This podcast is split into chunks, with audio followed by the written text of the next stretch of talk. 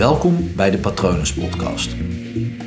Mijn naam is Paul Vet en in deze podcast deel ik inspiratie voor een leven vol vrijheid en verbinding.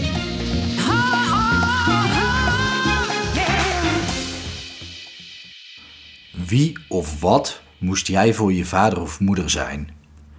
Het is een hele bekende vraag die Tony Robbins regelmatig gebruikt. En hij stelt eigenlijk eerst een andere vraag.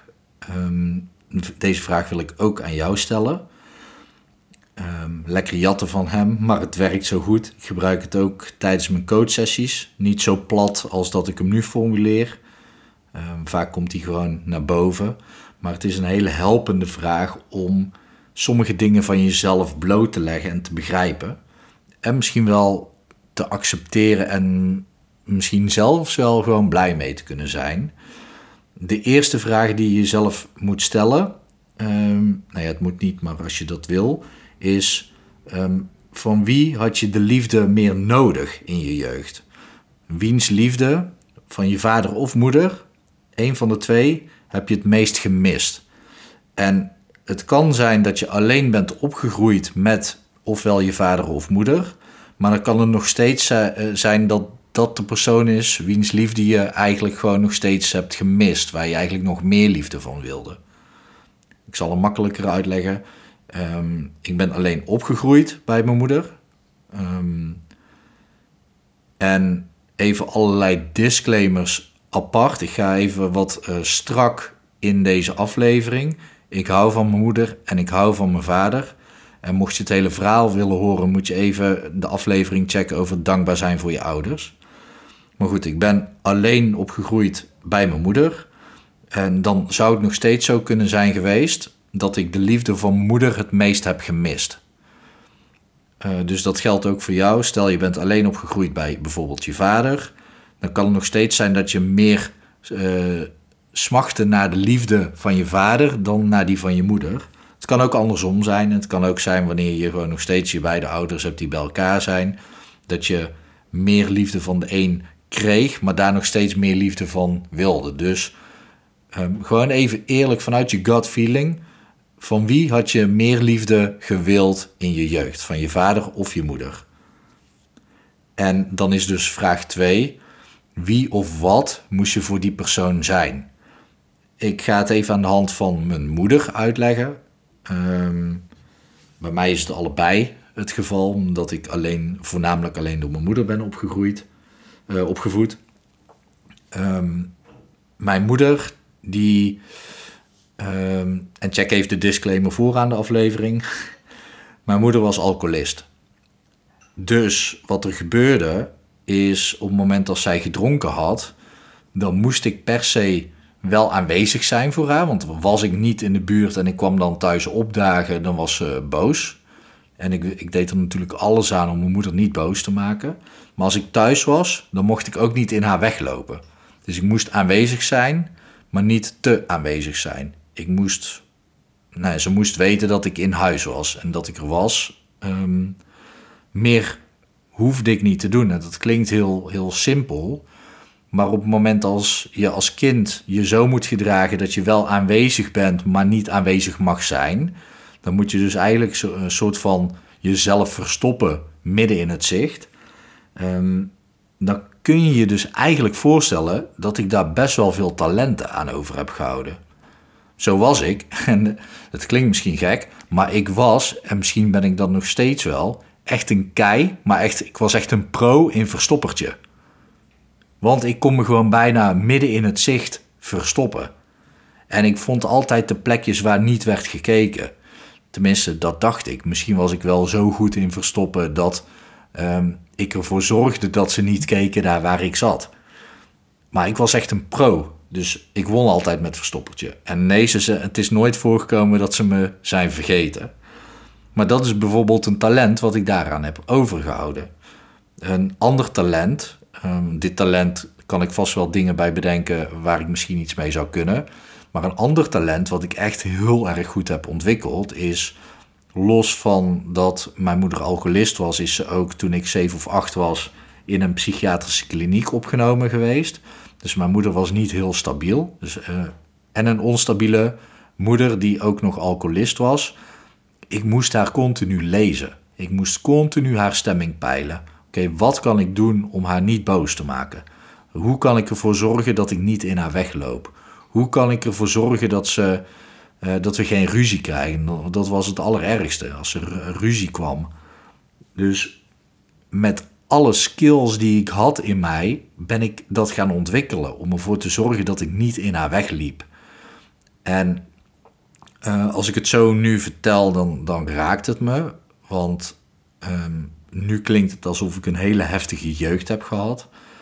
Uh, ik vind het sowieso lastig om dat soort dingen altijd te vergelijken. Van hoe ja, maar jouw jeugd was heftiger dan die van mij. Of andersom. Hm, doe dat alsjeblieft niet. Uh, voor een kind is dit best wel heftig. Uh, maar ik heb er dus ook wel talenten door ontwikkeld. En dat is interessant, want feitelijk kan ik dus uh, misschien wel bedenken dat ik meer liefde van moeder nodig had dan dat ik kreeg. Um, en ik moest een bepaald iemand worden voor mijn moeder. Uh, terwijl je als kind wil je gewoon kind zijn. Maar juist door die, die combinatie kan ik dus ook gewoon echt heel erg dankbaar zijn. Want daardoor ben ik nu een fantastische coach geworden. Ik zal mijn geluid even uitzetten, want echt een fantastische podcasteraar ben ik daardoor niet geworden. Um, maar ik kan dus mensen heel erg goed lezen. Om die reden. Um, maakt me dat automatisch een hele goede coach? Nee, het, zijn hulpmiddelen die ik inzet tijdens coaching. Daarnaast uh, ben ik van mening dat je als coach een gedegen opleiding moet hebben om de juiste technieken in te kunnen zetten, maar ook om uh, op een integere manier met mensen om te gaan. Maar goed, daar, daar heb ik het misschien een andere keer nog wel over. Maar het heeft mij in ieder geval geholpen in dat wat ik nu doe. Ik kan mensen heel erg goed lezen. Um, en ik kan dus ook uitleggen aan mensen waardoor dat, dat komt. Het is niet zo dat ik uh, geen ervaring heb en zomaar een, een coachopleiding heb gedaan of een cursus heb gedaan en dan zeg ik, kan, eh, ik snap mensen. Nee, in mijn jeugd heb ik dat heel erg goed geleerd. Um, nu wil ik daar verder niet over opscheppen. Het gaat erom dat um, als jij die vraag aan jezelf dus stelt, dus wiens liefde had je het meest uh, gewild, dat is ook degene waar je, uh, waar je het meest voor doet. Want op het moment als je als kind liefde mist, ga je extra hard je best doen om die liefde te krijgen. Dus dan is de vervolgvraag: wie of wat moest jij zijn voor die ouder? Dus stel het is je moeder, wie of wat moest jij voor je moeder zijn? Hoe moest je je gedragen? Wat moest je doen voor diegene? En daar zit zoveel informatie in over um, bepaalde dingen waar je nu tegenaan kan lopen. Um, aan de ene kant waar je tegenaan kan lopen en aan de andere kant dus ook uh, het talent wat je hebt ontwikkeld daardoor. Het zijn twee verschillende dingen. En uh, wat ik altijd het mooie vind is, um, doordat je, en dat heb ik ook van Tony Robbins, al heb ik die, die uh, video over dankbaar zijn voor je ouders eerder opgenomen dan dat ik hem kende. Maar op het moment dat je dankbaar bent voor de talenten die je hebt gekregen, wees dan ook dankbaar voor de dingen die, die nu nog niet zo lopen in je leven. Um, die je misschien ook daaraan te danken hebt. Want dat, dat is het allebei, maar dan is het in balans.